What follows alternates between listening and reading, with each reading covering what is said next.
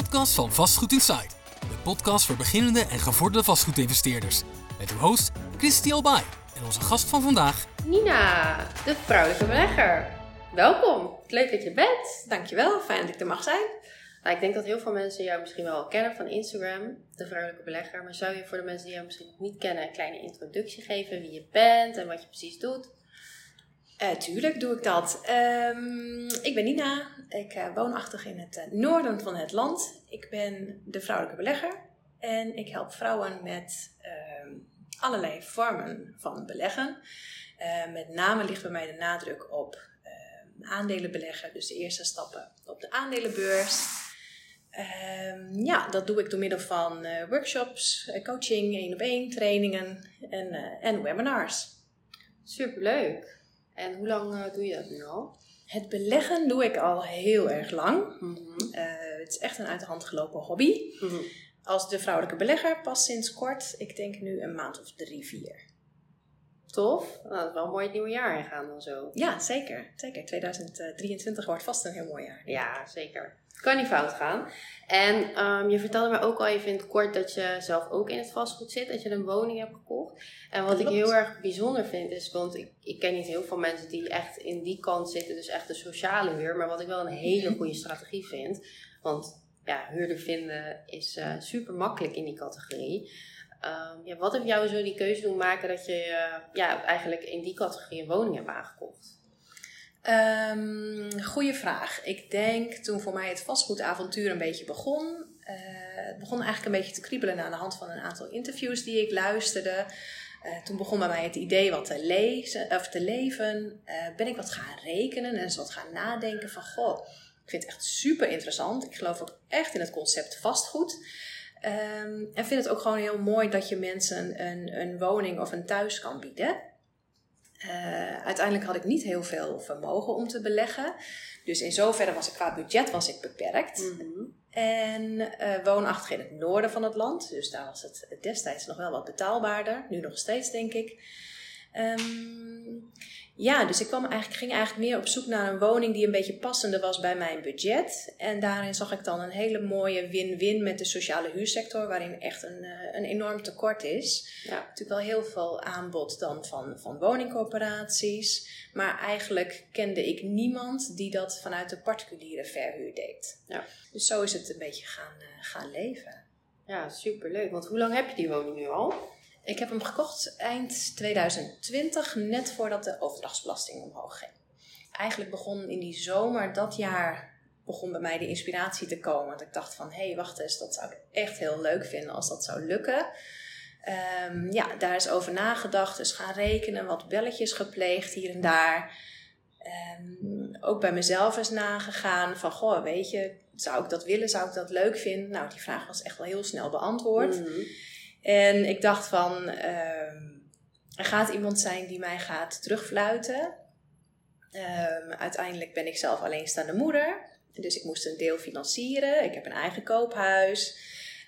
Um, ik werk in loondienst, part-time. Dus ik denk, nou, er gaat iemand zeggen van, nou, leuk wat jij wil. Maar dat, uh, dat wordt hem eerst niet. Mm. En dat gebeurde niet. Mm. Dus vanaf die tijd uh, ja, ben ik gaan kijken naar woningen. En um, ja, wat past bij mij? Wat wilde ik graag? En in de woonwijk van mijn, of in een woonwijk waar ik graag een huis wilde kopen, in mijn eigen woonplaats, kwam een huis vrij. En uh, daar heb ik een bod op gedaan.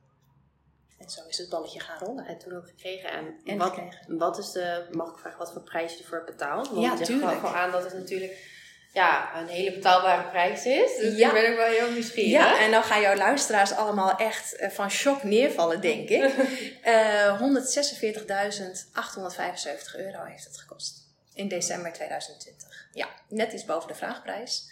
Het is een eh, simpele rijtjeswoning in een wat oudere, woonwa- in een wat oudere woonwijk.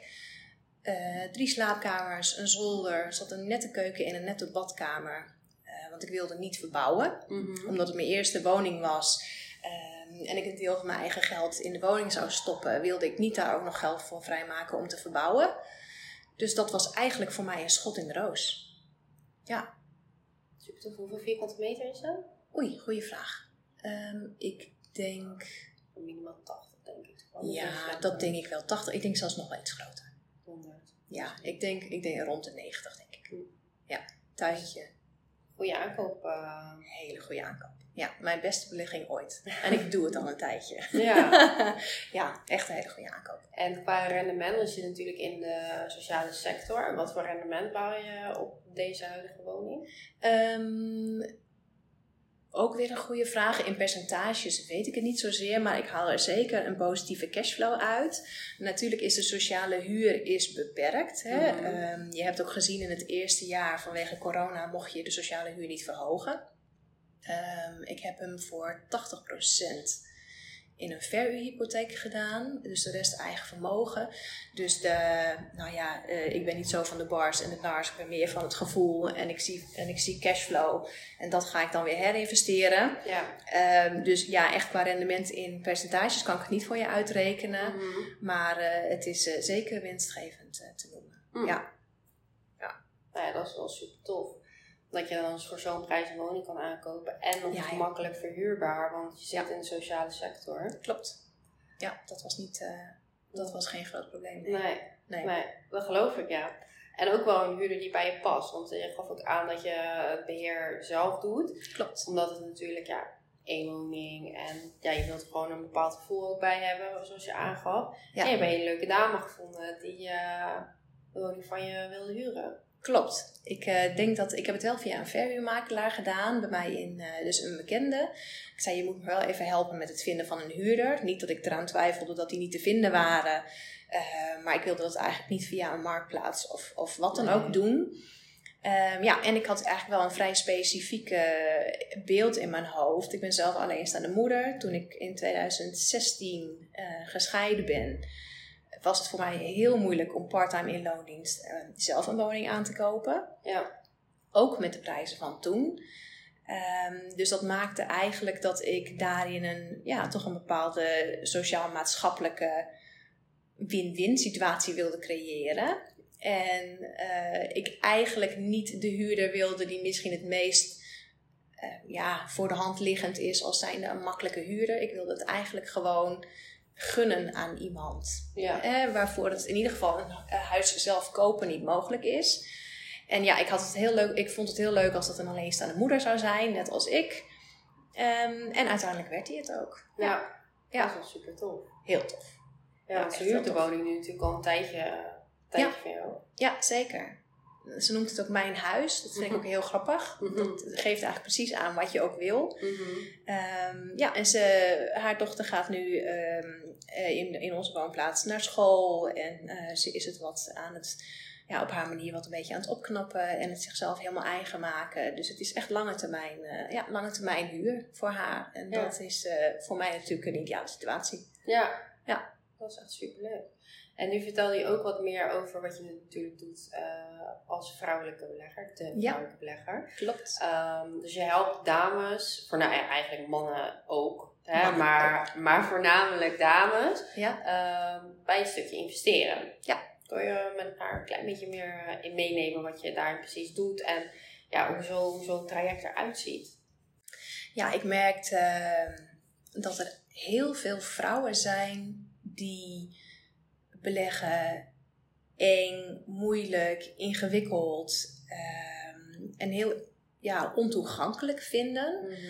Eh, zelf, dat ik het al zoveel jaren doe, ervaar ik dat niet meer zo. Maar dat is natuurlijk heel geleidelijk ontstaan. En ik merk wel ook door bepaalde negatieve sentimenten ehm, ja, in het nieuws, de dingen die je hoort, dan ja, wordt het, versterkt het eigenlijk alleen maar bij vrouwen, dan voornamelijk vrouwen die mijn klanten zijn, het beeld van oeh, het is eng. En de financiële wereld is eigenlijk, zit eigenlijk toch wel wat complex in elkaar. Niet dat het complex is, maar het, het is wel een drempel voor mensen om het zelf te proberen. Er wordt ook heel veel vanuit de financiële wereld gezegd van ja, oh, doe het alsjeblieft niet zelf, want dat kun je niet. En dan, en dan ben je verliesleidend en dan ga je hoge risico's lopen. Dan ga je je geld kwijtraken. Ehm, en vanuit de ervaring, gewoon puur en alleen mijn eigen ervaring en opgebouwde kennis, weet ik dat dat dus helemaal niet waar is. Tenminste, voor mij is het niet waar. En ik denk als je, ik leer vrouwen dus ook echt vanaf het begin, dus echt vanaf nul. En dan vanaf nul qua kennis, maar ook nul qua ehm, inleg om te starten met beleggen. Dus over die drempel heen te stappen van hé, hey, ik heb er helemaal geen verstand van en ik heb er geen tijd voor en ik weet, ik heb er geen geld voor. Uh, de eerste stappen te zetten op de aandelenbeurs en heel stabiel, uh, goed gespreid en op een verstandige manier hun geld inleggen. Ja. En dat laten renderen.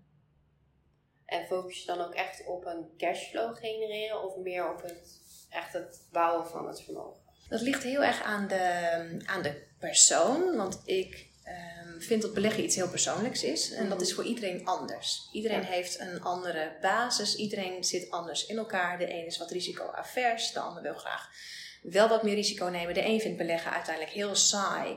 Wil alleen maar een beetje, gewoon een beetje inleggen elke maand. En niet meer naar hoeven kijken. En vooral niet tijd en aandacht aan hoeven besteden.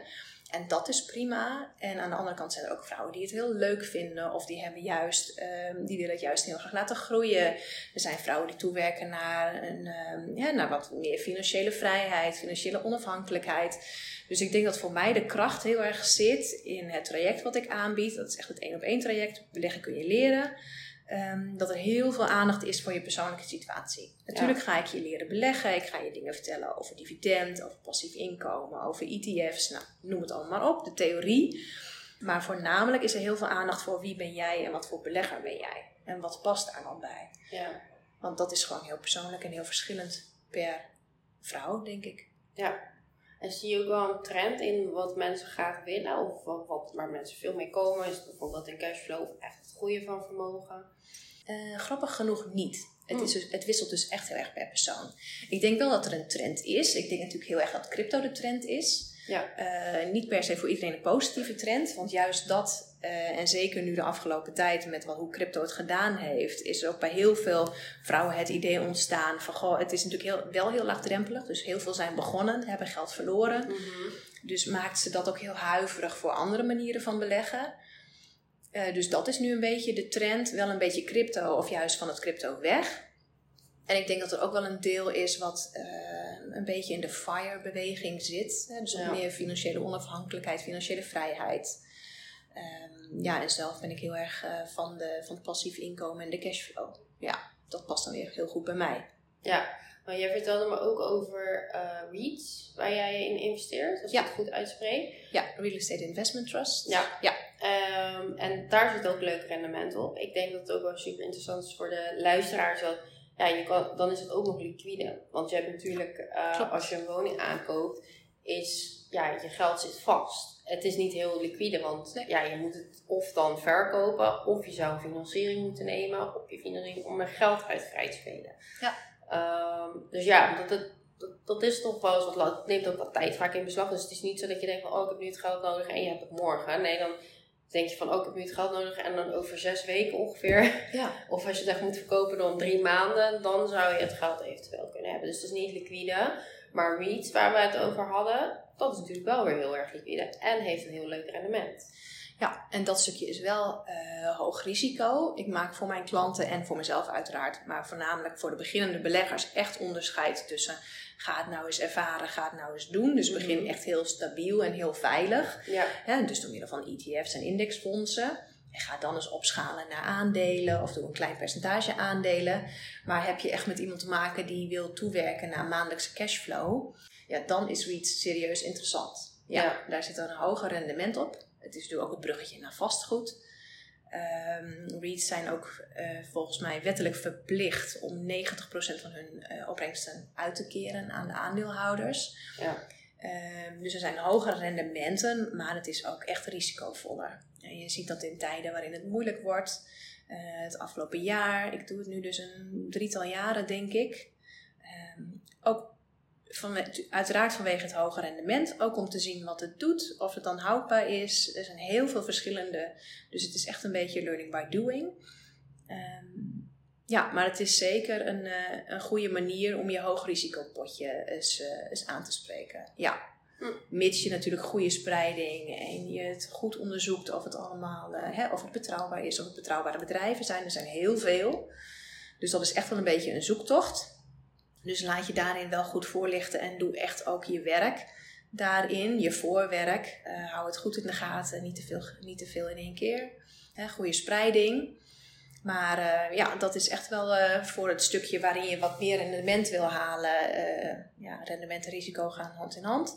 Ja. Is dat dan zeker een leuke zijtak. Ja. En wat voor rendementen moet je aan denken op het moment dat je investeert in, in zoiets? In REITs, dat wisselt heel erg. En dat zit ergens tussen de 4 en 9 procent. Sommige hoger. Ehm, maar dat is wel waarbij ik dan ook mijn vraagtekens heb. Want ik vind dat rendement eh, hoog. En natuurlijk Ja. afhankelijk. Je, je dividendrendement is natuurlijk ook afhankelijk van je aankoopwaarde, hè, van de koerswaarde op dit moment. Je ziet dat een aantal van die REITs hun dividend eh, niet kunnen handhaven. Dus dan gaat dat wat naar beneden. Dus dan zakt natuurlijk ook aanzienlijk het dividendpercentage. Ja. Ehm, maar goed, dat is, dat is dan alsnog wel vaak tussen de 4 en de 6 procent. Ja. ja. Dat moet wel kunnen. Ja, dat is op zich hartstikke mooi eh, rendement. Ja. Dus je ook eh, met woningen, zeg maar, ook, eh, ja, dat is een beetje hetzelfde. Nou ja, 4% niet. Vaak zit je tussen de, minimaal tussen de 6 en de 10%, zeg maar. Ja. Ehm, maar alsnog een mooi rendement. Ehm, ja, ik heb eigenlijk nog een paar superleuke vragen voor jou. Die ik je door. graag wil stellen. Ehm, wij stellen deze vragen altijd aan ehm, alle deelnemers aan de podcast. Oké. Uh, dus ik ga beginnen met de eerste. Uh, wat is jouw doel in het leven en hoe zie jij jezelf op je oude dag? Oei, goede vraag. Uh, mijn oude dag. Ik hoop dat het mij uh, een lang leven gegund is nog. Um, mijn oude dag uh, lijkt me heerlijk om dan terug te kunnen kijken op een, op een voldaan en goed leven. Uh, dat klinkt natuurlijk heel algemeen en, uh, en degelijk. Uiteindelijk vind ik het, en dat merk ik nu sinds ik gestart ben als, als ondernemer en echt elke dag met beleggen bezig ben en vrouwen leren beleggen en natuurlijk ook een stukje vastgoed waar natuurlijk ook jullie en jullie dagelijkse business zit, dat is echt wat ik leuk vind. Mm-hmm. Dat is echt, daar haal je ontzettend veel energie uit door puur en alleen bezig te zijn met wat je, ja, wat je echt graag doet. Dus ik hoop dat ik dat tot op mijn uh, oude dag nog mag doen. Dat ik veel vrouwen mag helpen om uh, ze te laten zien wat er allemaal mogelijk is. Dan hoop ik dat wel ergens in het zonnetje te doen. en daarin lekker vrij te zijn om mijn dagen in te delen. Ja, oh, dat is wel echt super fijn. Ja. Dat we lekker ergens op het strand ja het, stukje, ja, het stukje leven op je eigen voorwaarden, dat lijkt me heerlijk. Dus ja. ik zeg niet dat ik dan helemaal niet meer werk, maar ja. Ja, nee, ik zou dat zelf ook niet kunnen hoor. Niet helemaal niet kunnen werken. Maar wel in de zin van dat je gewoon die vrijheid hebt. Dat je in de ochtend lekker kan doen wat je wil. Ja, nou dat. Heerlijk. En dan even lekker je laptop bij je pakken. Even lekker werken. Ja, en ik denk dat ik zelfs tot op oude leeftijd nog altijd wel eventjes om negen uur kijk als de beurs open gaat met een kop koffie of zo. Ja. ja, dat is ook super tof. Ja. Nou, dan uh, vraag nummer twee is, um, ja, wat vind je het leukste aan jouw job? Dus aan uh, de vrouwelijke belegger. Waar, wat vind je het leukste aan? Waar ben je gestart? Um, dat is eigenlijk heel makkelijk, het stukje energie wat het geeft. Um, je kunt mensen laten zien wat er mogelijk is. En ja, dat geeft zoiets, ja, dat geeft zoveel inspiratie en, en zoveel energie om echt bij mensen die knop om te kunnen zetten van uh, het is niet moeilijk, jij kan dit zelf begin ook gewoon met, met 20 of 50 euro. Zo ben ik zelf ook begonnen. Ja. En toen wist ik ook niet dat ik nu zou kunnen staan waar ik nu sta. En dat je met je eigen verhaal en met je kennis en ervaring mensen dat kunt, uh, kunt inspireren, maar ook kunt leren. Ja, dat is echt heel gaaf. Ja, ja daar geniet ik echt van. Ja. Heel leuk. En uh, wat is de meest waardevolle les die je vorig jaar hebt geleerd en die je graag aan de luisteraars mee zou willen geven? Uh, ten eerste is mijn advies altijd begin. Mm-hmm. En begin nu. Niet morgen, maar nu. tijd is nu, want tijd is je, tijd is je grootste vriend. Um, maar goed, daarop aanhakend is, uh, wat is mijn grootste les? Dat er veel meer mogelijk is dan dat je zelf weet. Uh, omring je met de juiste mensen. Uh, zet de stappen die je eng vindt. Het gaat je zoveel brengen. En uh, ja, en begin. En durf, durf te dromen. Durf verder te kijken wat je wat nu denkt wat mogelijk is. Um, ja, als iemand mij een aantal jaren geleden had verteld dat ik een, een tweede pand erbij zou kopen. Uh, als alleenstaande moeder in loondienst. Nou, dat had ik nooit geloofd. Nee. nee. En vanaf het moment dat ik dat durfde zien en erin durfde geloven. En ook gewoon heel simpel de stapjes ging zetten. Ook al had ik geen idee waar ik moest beginnen. Hmm. En ook hetzelfde is met het opbouwen van of het nou crypto is, of het nou aandelen is. Ehm, ja, begin gewoon. Dat gaat je heel veel brengen. Meer dan dat je je nu kunt voorstellen. Ja, daar ben ik het ook helemaal mee eens. Ja. Een mooie, mooie wijze les voor de luisteraars. Ehm, nou ja, voor de luisteraars die jou dan niet kennen via, via Instagram, uh, hoe kunnen ze jou vinden? Uh, ik ben te vinden on, uh, op www.devrouwelijkebelegger.nl. daarin staat iets meer over mijzelf, wat ik aanbied, de één op één trajecten, workshops. En ik ben te, het meest actief op Instagram, ook onder devrouwelijkebelegger.nl. Dus ja, volg mij daar voor meer informatie. Ja voel je vrij om gewoon eens even een berichtje te sturen. Al was het alleen maar om te sparren. Dat is altijd, je weet nooit wat het je kan brengen. Zeker. Nou, superleuk. En dan uh, gaan wij nog genieten van onze uh, vrijdag. Ja. En dan uh, wil ik jullie hartstikke bedanken voor het luisteren. En tot de volgende podcast. Ciao, ciao. Nogmaals bedankt voor het beluisteren van onze podcast. Vind je onze podcast leuk? Laat dan een review achter. Of wil je meer over ons weten? Volg ons dan op Instagram via @matchpropertymanagement en @christialbae. De podcast wordt mede mogelijk gemaakt door Match Property Management en Match Wonen.